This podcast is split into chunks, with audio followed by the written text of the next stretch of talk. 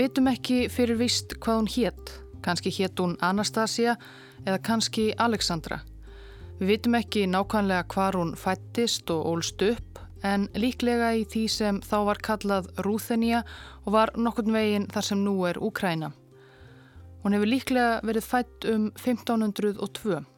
Sumir segja hún hafi verið preststóttir en kannski var hún bondadóttir eða dóttir kaupmanns. Við vitum það ekki fyrir vissu frekar en flest annað. En við vitum að þegar hún var á táningsaldri réðust tatarar frá Krímskaga og heimkynni hennar, hvort sem það var smáþorp eða bondabær, á hestum sínum með vopnin á lofti. Öldum saman fóru tataratnir af Krímskaga rænandi og rupplandi um austanverða Evrópu og þeir voru sérstaklega á höttunum eftir ákveðinu arðbæru þýfi, mönnum, konum, körlum og börnum sem þeir seldu svo sem þræla. Við vitum að það var hlutskipti stúlkunar sem við vitum ekki hvað heitir, kannski Anastasia og kannski Alexandra. Við vitum ekki hver örlög fjölskyldu hennar urðum, kannski drápu tataratnir föður hennar sem kannski var prestur, kannski var stúlkan flutt með einhverjum ástvinum sínum til borgarinnar Kaffa á Krímskaga þar sem var einn stærsti þrælamarkaður Evrópu, en þar má ætla að leiðir hafi skilið. Þrælamarkaðurinn í Kaffa var vandlega skiptur niður í deildir, ungir karlar, hér, konur, þarna, áleitlegar yngismegar en annar staðar. Stúlkan hefur öruglega verið orðin einn þegar hún var svo flutt á næsta áfangastað til Istanbul. Þrátt fyrir erfiða byrjun æfinar átti þessi rúþenska þrælastúlka eftir að blómstra þar, eins ólíklega og það hljómar, og takast að klifra upp metorðastegan og verða einn valdamesta kona heims.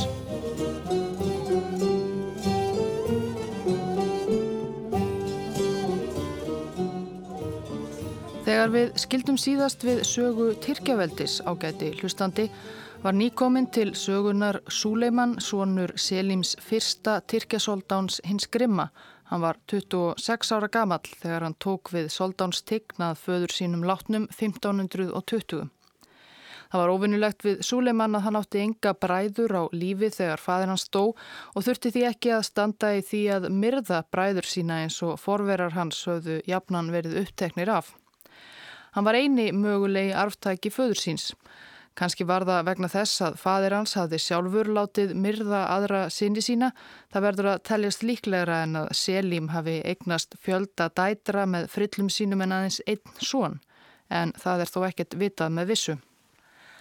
Súleiman fættist 1494 við austurströnd Svartahafs í Hafnarborginni Trebisond þar sem fadir hans Selim, þá enn prins, var landstjóri.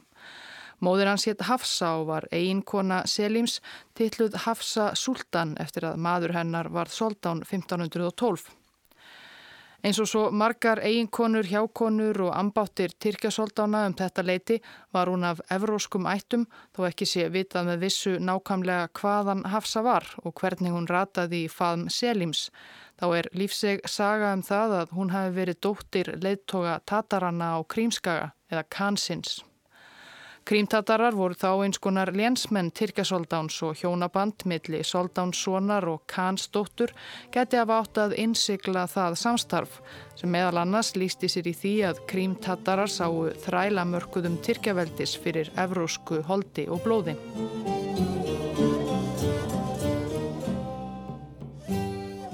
Atvið að um sögu Krímtatara hefur nokkuð verið fjallað um áður í þessum þætti árið 2016.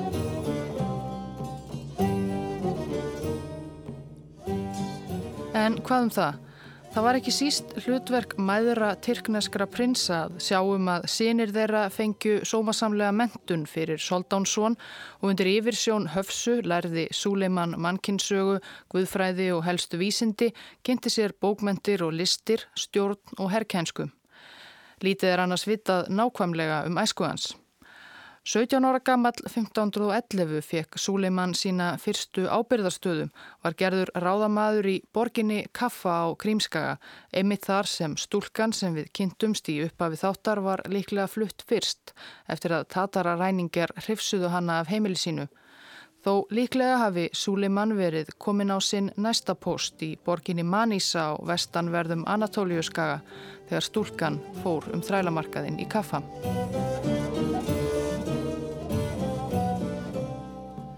Það var í Manisa sem Súleiman fekk þær fregnir 22. september 1520 að fadir hans Selim Grimmi Soldán hefði látið lífið á ferð með hersínum rétt utan við Istanbul.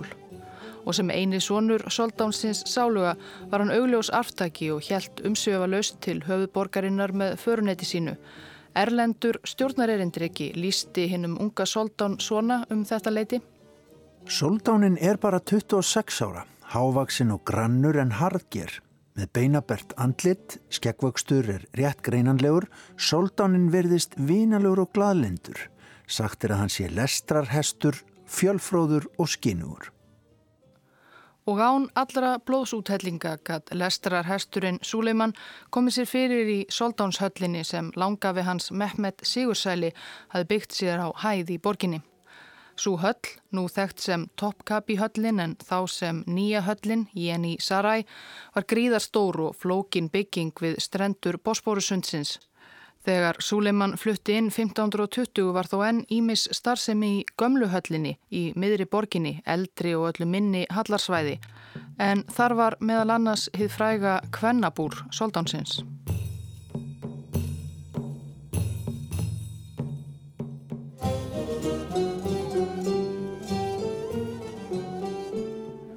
Það er ástæða til að staldra við hér og fjalla aðeins um þetta fyrirbæri kvennabúr.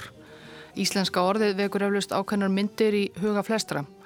En orðið sem notað er á tyrknesku og flestum öðrum málum, harem, er ættað ár arabísku og þýðir forbóðið.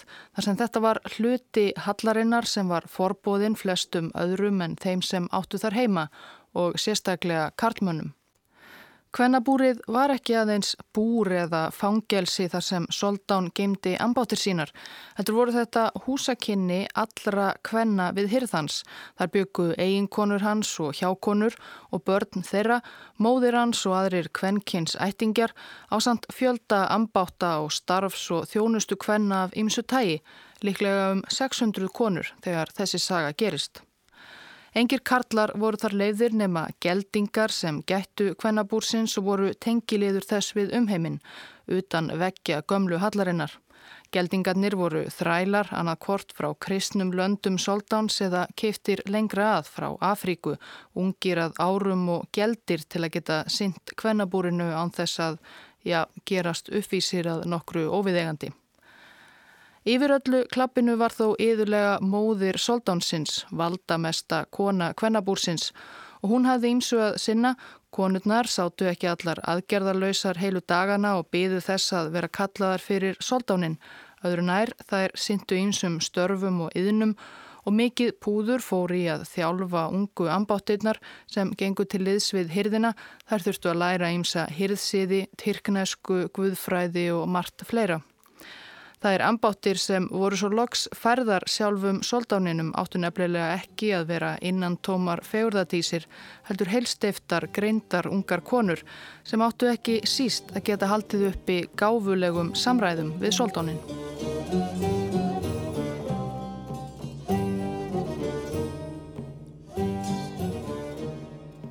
Álitlegar ungar þrælastúlkur voru fluttar í lokuðum vagni í gegnum borgina að nýju höllinni og þar síndar soldáninum. Ætla má að þannig hafi leið saman leiðir Súleimans soldáns og stúlkunar frá Rúþenju sem kannski hétt Anastasia og kannski var preststóttir. Af þrælamarkaðinum í Kaffa á Krím hafði hún verið flutt til Istanbul, kannski verið seld áfram á öðrum þrælamarkaði þar til útsendara hallarinnar eða kannski var einhver hyrðmaður sem keipti hana strax í Kaffa. Ætla má að hún hafi verið á táningsaldri þegar hún var komin í kvennabúrið.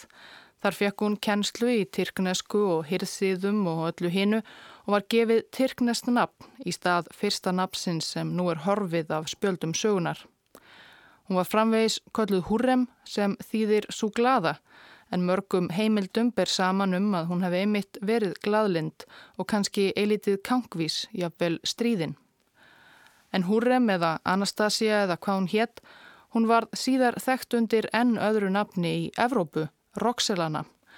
Það er dreyið af nafni heimalands hennar Rúþenju, konan frá Rúþenju. Við skulum notast við það hérðan í frá.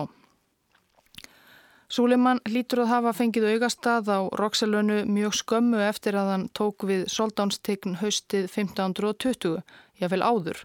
Því rétt tæpu ári síðar, 1521, fætti Roxelana honum svon sem fekk nafnið Mehmet. Venjulega hefði fæðing Mehmets litla bundið enda á samband Roxelönu og Súleimans. Ambáttum og hjákonum Soldáns var frjálst að fæða honum eins margar dætur og þeim síndist en hver kona mátti aðeins fæða einn dreng. Þessari reglu var komið á vegna þeirrar blóðugu valdabaróttu sem jafnan enkendi æfi Tyrkneskra Soldánssona. Mæður drengjana átt að sjá um uppeldi þeirra og mentun og sömuleiðis unnu þær auðvitað að framgangi sinna svona gegn hálfbræðrum þeirra bak við tjöldin og ekki var hægt að láta sömu konuna hafa tvo prinsa á sinni konnu sem á endanum myndu kannski reyna að myrða korannan fyrir soldánstegnina. Þessi regla hafi verið höfði hávegum í kynnslóðir. Þegar konafætti són var kynferðislegu sambandi hennar við soldánin umsveifalaust lokið. Þar til allt í einu, þegar rúþenska þrælastúlkan Roxelana kom inn í líf Súleimans soldáns. Hún helt áfram að ferðast í vagnni milli kvennabúrsins í gömluhöllinni og húsakynna Súlimans síns í nýjuhöllinni og næstu fjórum eða fimm árum ólun honum fjögur börn til viðbótar, þar af þrjá sinni. Allt þótti þetta stórfurðulegt við hyrðina. En skýringin getur ekki verið önnur en að Súleman hafi hrifist svo mjög af gladlindu kankvísu rúþensku stúlkunni sem fekk nafnið Roxelana að hann gæti ekki verið ánennar og var til í að fara á svig við alla reglur og hefðir til að vera áfram með henni.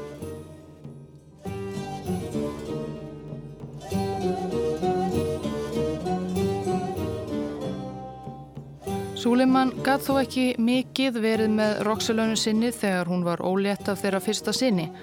Hann var kannski nýjórðin soldán en ætlaði sér ekki að tvínóna við hlutina.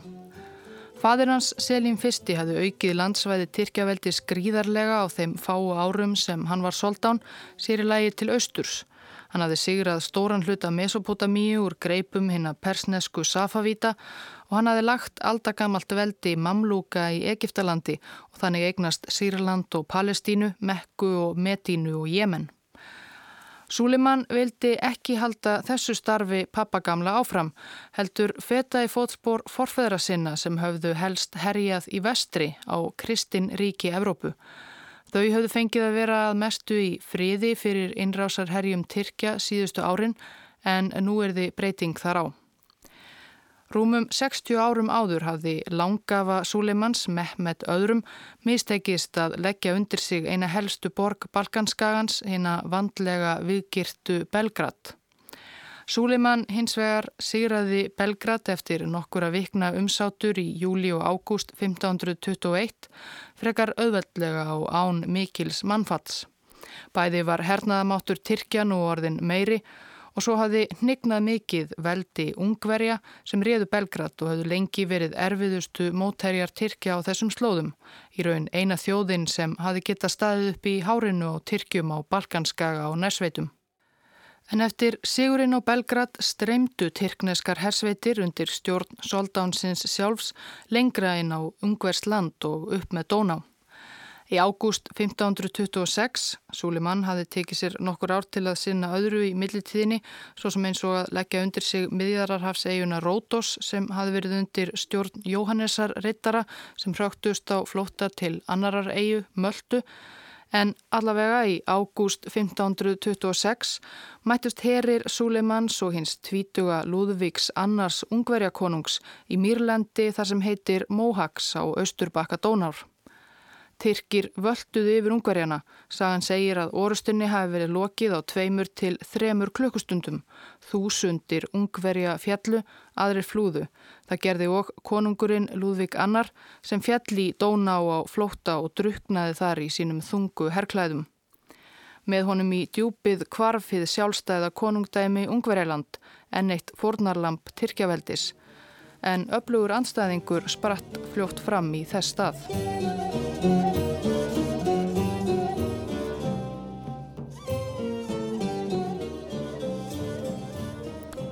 Á meðan Suleiman brasaði á výgvellinum var Roxelana heima í kvennabúrinu með elsta svonsinn Mehmet og síðar hinn börnin sem Suleiman eignaðist með henni þegar hann leitt við hjá henni í fríum og þar innandira vakti þetta nýstárlega fyrirkomulag Roxelönu og Soldánsins auðvitað aðtegli og öfund.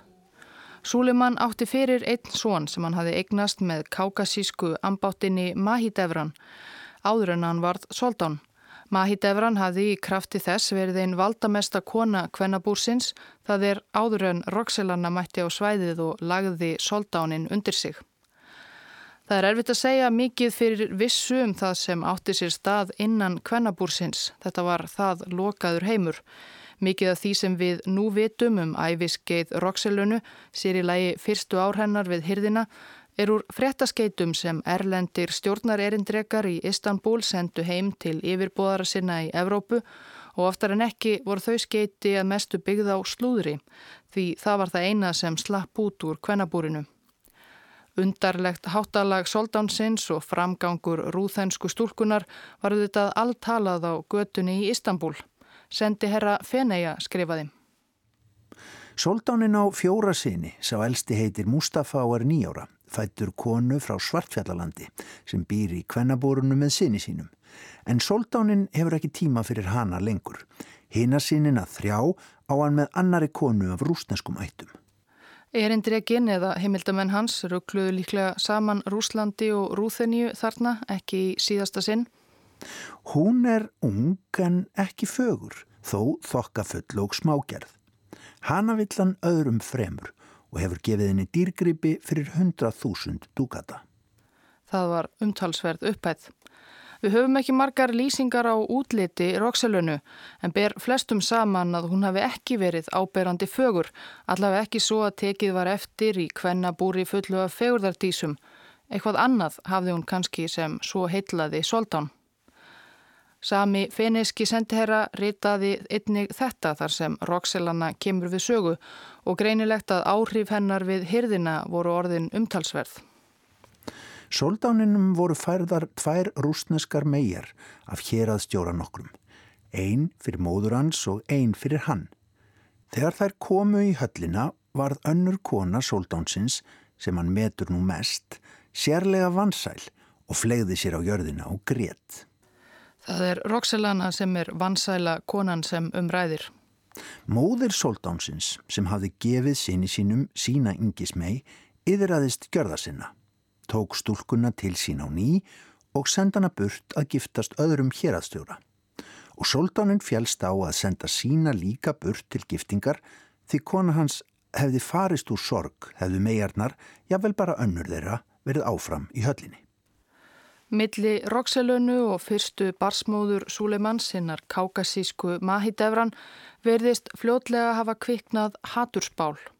Roxelana hennar mörgu sínir og djúpa tenging við soldánin varpaði að sjálfsögðu skugga á Mahidevran og hennarsón hann Mustafa. Til er saga sem enn einn feniskur sendiherra ritaði að Mahit Evran hafi eitt sinn bókstaflega ráðist á Roxilunu, klórað hana í andlitinu, reitt hár hennar og rifið klæði og kallað hana svikara og selt kjöttstykki. Nokkrum dögum síðar kallaði Súleiman Roxilunu til sín en Roxilana neytaði þá að hitta elskuga sinn vegna þess hver krambúlerðum væri í andlitinu og auk þess ekkert annað en ómerkilegt kjöttstykki. Reyður sendi soldánin eftir Mahidevran og spurði hvort það sem hinn konan segði væri satt. Hún saði svo vera og að hún hefði ekki veitt henni annað en það sem hún ætti skilið. Henni fyndist að hinnar konurnar ættu að lúta henni þar sem hún hefði fyrst þjónað hans hátegn. Þessi orð reyktu soldánin til enn meiri reyði og hann vildi ekki sjá hana lengur og gaf henni alla ást sína.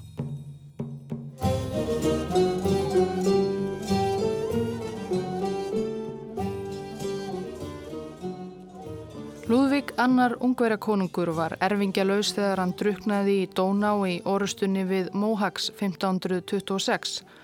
Máur hans, Ferdinand I erkifusti í Östuríki, gerði þá tilkall til ungversku krúnunar og gætt sölsað undir sig stóran hluta ungverjalands.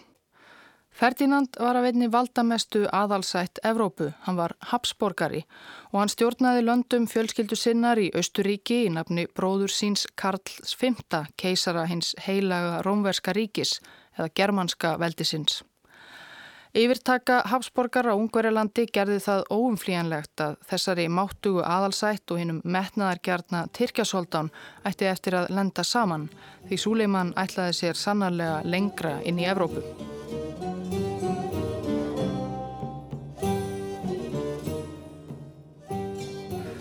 Við kynntumst Súleiman mikla fyrst í upphafi síðasta þáttar Nána tiltekið brefi sem hann skrifaði 1526 til Frans fyrsta frakkakonungs þar sem hann tillaði sig hóvarlega soldán, soldánanna og skugga gvuðs á jörðum.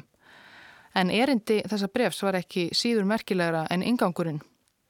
Í beinu samhengi við úlfúðunamilli Ottomanna og Habsborgara myndaði Súleiman bandalag með öðrum andstæðingi Habsborgarana, Frans frakkakonungi sem fannst hann aðþrengdur af vaksandi veldi Hafsborgara, hafði elda með þeim grátt silfur lengi og sömuleiðis lengi leitað að bandamanni gegn þeim með litlum árangri. Það var Frans sem fyrstur skrifaði Súleiman þegar hann var fangi í Madrid eftir að hafa beðið ósigur fyrir erki ofinni sínum Karli V, keisara germanska veldisins, í orustunni við Pavia sem var hluti af einu af fjölmörgum og flóknum stríðum sem frakkar, germanska veldið og fleiri evrósk ríki háðu um yfiráð á Ítalíu á 16. öld. Súlimann tók brefinu vel enda ákveðin upphefð fyrir hann að fást líka hjálpar beðni frá sjálfum konungi hins fornfræga Fraklands. Hertu upp hugan og mist ekki móðin.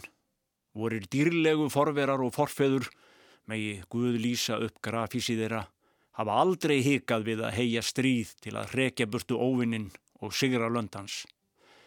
Við höfum sjálfur fyllt í fótsporðira og höfum æfinlega sigrað íllfær og velvarin héruð og virki. Nótt sem dag er hestur okkar söðlaður og sverð okkar til reyðu.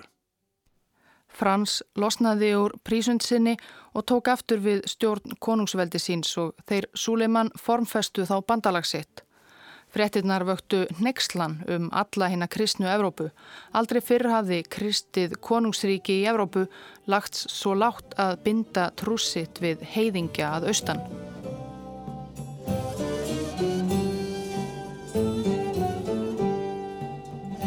Haustið 1529 voru herir Tyrkja komnir enn lengra upp með Dóná, alla leiðað höfuðborg hins heilaga rómverska ríkis, Víis Hafsborgarana Vínarborg.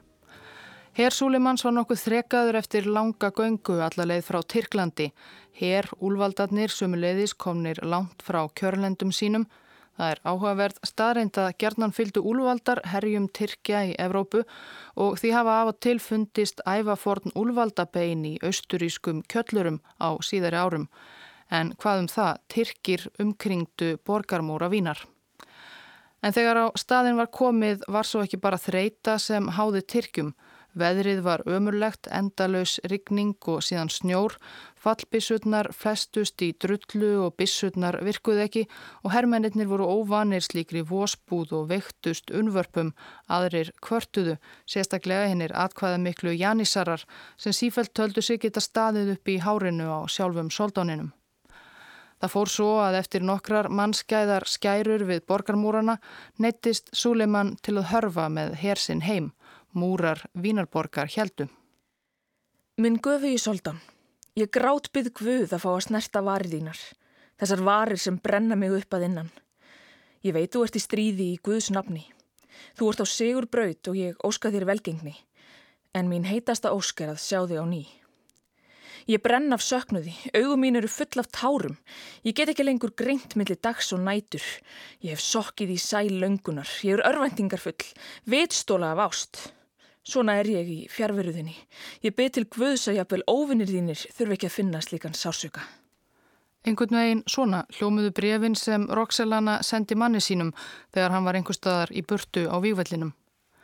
Reyndar skrifaði hún einnig ímislegt annað, tíðindi af hyrlífinu, fregnir af heilsu og mentun barnana og óvenni miklum kostnaði við endurbætur á eldhúsinu í nýjuhöllinni en skrifaði þó mestmægnis um þann lamandi söknuð sem greipana hvert sinn sem hann helt til herrferða. Súleiman var afkastamikið ljóðskáld og orti ófá ástarljóðin um Roxelunu. Hann notaði þá skáldanlafnið Muhibbi eða Elskandin. Senin gamın, derdin bu gece güçsüz candan geçti gitti. Sorg þín og sársauki sköðuðu sál mína í kvöld. Sjáðu tár mín fylla landið og heiminin. Ég er aðleitt, ég er vansæll, ég er lamaður, ég er ástfangin. Ég hef enga þólinnmæði og ég kvelst. Gangandi grátviður, laungun ástarminnar. Ég er eins og furutrið hlekkjað við jörðina. Hayatım, hasılım, ömrüm, şarabı kevserim, adnim.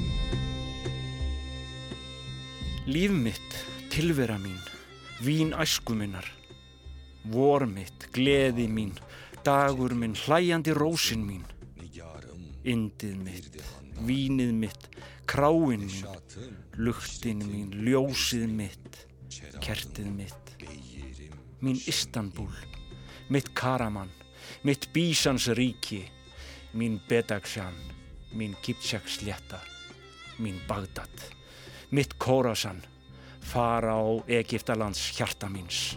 İstanbul'um, Karaman'ım, diyarım ülketi Rum'um, Bedehşan'ım ve Kıpçağım ve Bağdat'ım, Horasan'ım, gönül Mısır'ındaki hanım.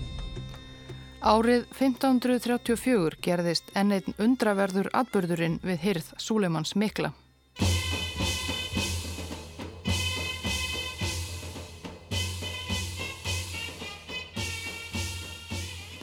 Í vikunni gerðist hér í borg hinn óvinnulegasti atbyrður. Algjörlega án fordæmis í sögu Tyrkjasóldóna. Hans hátegn Súlimann hefur tekið sér sem keisareinju rúsneska ambátt. Það er mikið rætt um hjónabandið og hvað þetta geti þýtt. Móðir Súleimans Hafsa lést 1534 og um svipa leiti helt Mahi Devran með síni sínum Mustafa til borgarinnar Manisa þar sem hann fekk hérastjóra jobb. Roxelana stóð því eftir sem óumdeilanlega valdamesta konan í kvennabúrinu og við hyrðina og hjónaband hennar og soldánsins undirstrykaði svo einstaka stöðu hennar. Eftir giftinguna flutti Roxelana úr kvennabúrinu í gömluhöllinni og bjó eftirleiðis við hlið mannsins í nýju höllinni Topkapi, fyrst kvenna í þessari miðstöð valdsins í Tyrklandi. Önnur rótæk breyting út af hefðinni.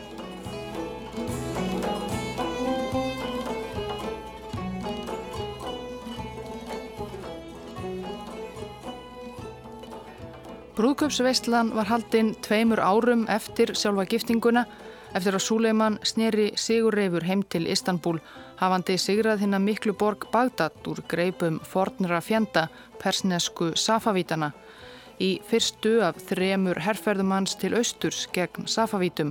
Hann fór að huga meira að þeim eftir að hann hörfaði frá Vín. Götur Istanbul voru skreittar borðum, fánum og ljóskerum Rólur voru settar upp við sverum borgina svo að borgarbúar getu sveiblað sér í samgleði með brúðhjónunum. Miklir rittarleikar voru haldnir á gamla leikvangi Konstantinóbel þar sem einni komu fram fjöllistamenn og framandi dýr eins og gírafar voru til sínis. Forvittnir borgarbúar gáttu líka reyndað greina nýju keisara-innjuna sem sjálf fyldist með herleheitunum þó falinn bak við eins konar fortjald eins og síður var með heldri konum. Um þetta leiti fór líka ef markam á fréttaskiti ítölsku sendiherrana sem endra nær að bera á andúð í garð Roxilönu, nú ekki bara frá keppinautum í kvennabúrinu, heldur meðal almennings í Istanbul. Svo mikil er ást Sóldánsins til hennar og þegnar hans svo förður losnir að þeir segja að hún hafi lagt á hann álug og því kallaði þeir hana Siadi sem þýðir norn. Síðar varð ímynd Roxelönu sem vægðarlöst klækjakvendi nær allsráðandi, sérstaklega reyndar síðar á öldum, löngu eftir hennar dag. Um svipaleiti og brúðkaupsvislan mikilfenglega var haldin í Istanbul 1536 var nánasti samverkamæður Súleimans, erki vesýrin Íbrahim Pasja, sem að auki var náinn vinur soldánsins frá æsku árum, fyrirvaralöst tekin af lífi, kirtur í svefni. Hvers vegna er ekki vitað, hvað vesýrin geti hafa til saka unnið. En sá kvittur komst á kreik og varð lífsegur að mögulega hefði Roxelana talið hann ógn við veldi sitt og svona sinna og því talið eiginmann sinna á að koma honum fyrir Katarnef. Kanski vegna þess að Íbrahim Pasha var saður góður vinur fyrstu konu soldánsins Mahidevran og Mustafa sonar hennar.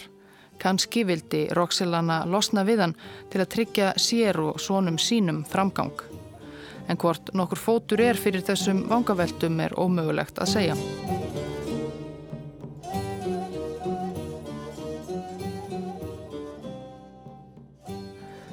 Við vitum ekki hvað hún kann að hafa pælt og plottað bak við tjöldin en við vitum að Roxilana satt ekki aðgerðarlaus sem drottning eða soldánsfrú.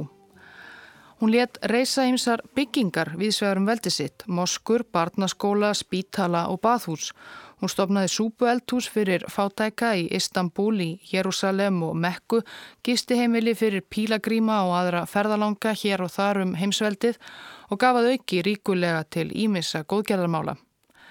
Þau bref Roxelönu sem varðveist hafa utan ástarbrefa hennar til Soldáns snúa flestað rekstri góðgerðarstofnana hennar sem hún af öllu að dæma fyldist náið með og syndi af atorku. Er hennar ekki síst minnst fyrir það í dag og enn má finna viðsvegarum Tyrkjaveldi hið forna byggingar sem bera nafn hennar.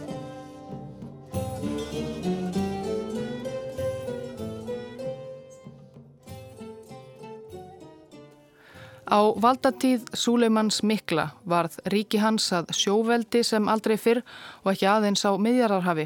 Tyrknesk skip lögðu í langferðir um Indlandsaf og tyrkneskir landkönnuður og kortagerðamenn könnuðu fjarlæg lönd. Frá því um 1538 á næstu þrjá áratugi áttu ottomannar í tíðum erjum við mesta stórveldið á sjó þessa tíma Portugala og börðust um yfiráð yfir ímsum höfnum og strandbæjum á sjóleiðinni til Indlands, Aten í Jemen, Muscat í Óman, Basra í Írak og fleiri og Tyrkir eignuðust meira að segja áhrifasvæði í Sómalíu og Súmötru. Allsýr og Túnis á miðjararhafströnd Norður Afríku fjallu til Tyrkja undir stjórn flotafóringjans allræmda og rauðskeggjaða Hæretin Barbarossa um 1535, Líbia nokkru síðar og stjórnuðu þá Tyrkir nær allri suðurströnd miðjararhafs. Tyrkneska Norður Afríka var þau vitað allræmt fyrir sjóræningja sem hafðu þar bækistöðvar sínar og fóru í ránsleiðangra, ekki síst í leitað þrælum víða um höf eins og allir Íslandingar þekkja.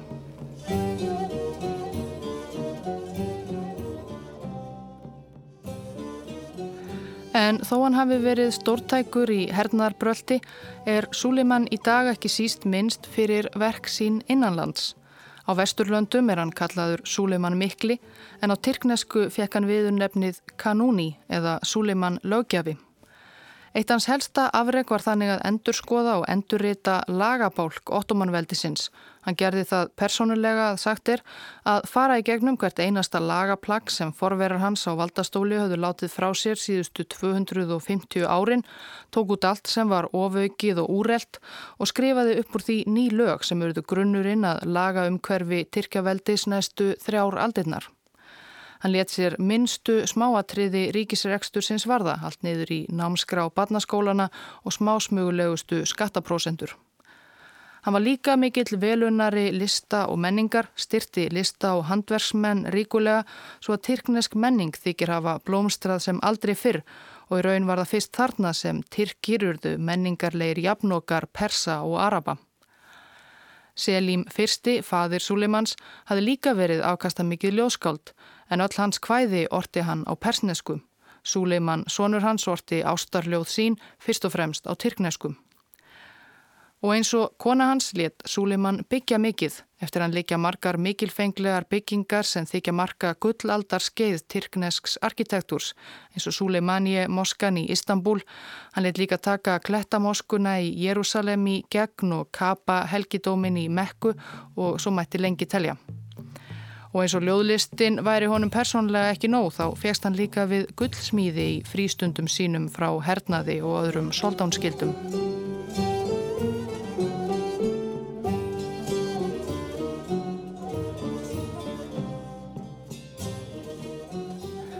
Súleiman þurfti sem ungur maður ekki að myrða einn einasta bróður til að hreppa soldánskrónuna eins og fyrr hefur verið greint frá. Það þýtti þó ekki að hann gæti ekki látið drepa nána ættinga sína með þurfti.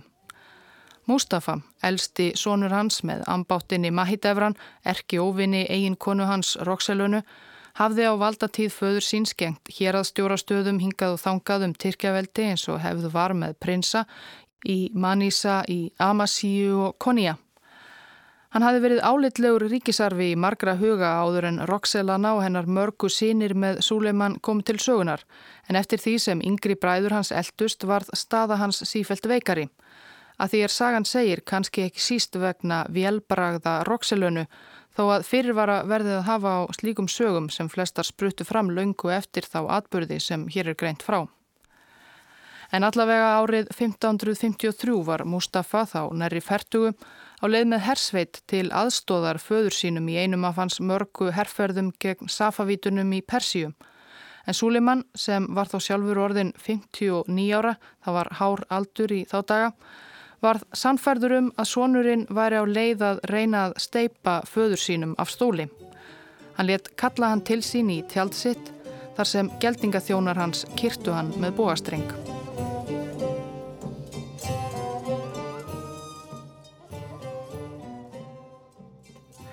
Ef þetta var allt saman ráðabrug Roxelönu hefnaðist það vel. Eftir dauða Mustafa var ekkert sem stóði vegi hennar eigin svona.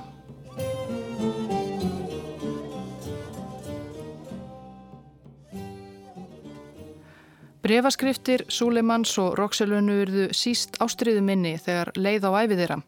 Ég vil upp úr 1550 þegar bæði voru komin á 60-saldur helt Roxelana áfram að fylla arkirnar af ástarjáttningum og saknaðar orðum ásamt því að hún tjáði áhyggjur sínar af ýmsum eimslum og meinum sem Súleiman kvartaði undan í sínum brefum. Á þessum árum varð Roxelana reyndar sífælt tregari til þess að hveðja eiginmann sinn þegar hann helt á vývöllin. Hún vildi helst ekki vera ánans í stundarkorn kannski vegna þess að hún fann það á sér að þau ættu ekki langt eftir. Roxelana, Húrrem, Anastasia, Alexandra eða hvað sem hún hétt, rúþenska stúlkan sem varð keisara innja í Tyrkjaveldi, lest í april 1558 eftir að hafa verið hilsuveil um hríð, líklega um 55 eða 56 ára gömul, í gömluhöllinni í Istanbul þar sem hún hafi búið fyrstu ársín í borginni. Erlendir sendiherrar sendu fréttina umsöfarlust heim til Evrópu og bættu við að soldánin Mikli, sem var heima fyrir þegar kona hans dó, hafi vist eldast um heilu árin eftir dauða hennar. Hún var löð til gravar í glæsilega skreittu grafísi innan vekja Suleimanie moskunar sem eiginmaður hennar hafi látið reysa á hæði höfðborginni. Átta árum síðar, höstið 1566, lest svo Súlimann Mikli, lögjafinn, einn valdamesti maður heims í hári elli næri 72 ára. Hann hafi þá verið á leið til hernaðar í Ungverjalandi, einu sinni sem oftar. Og hann var auðvitað lagður til kvílu í Moskunni við hlið eiginkonu sinnar.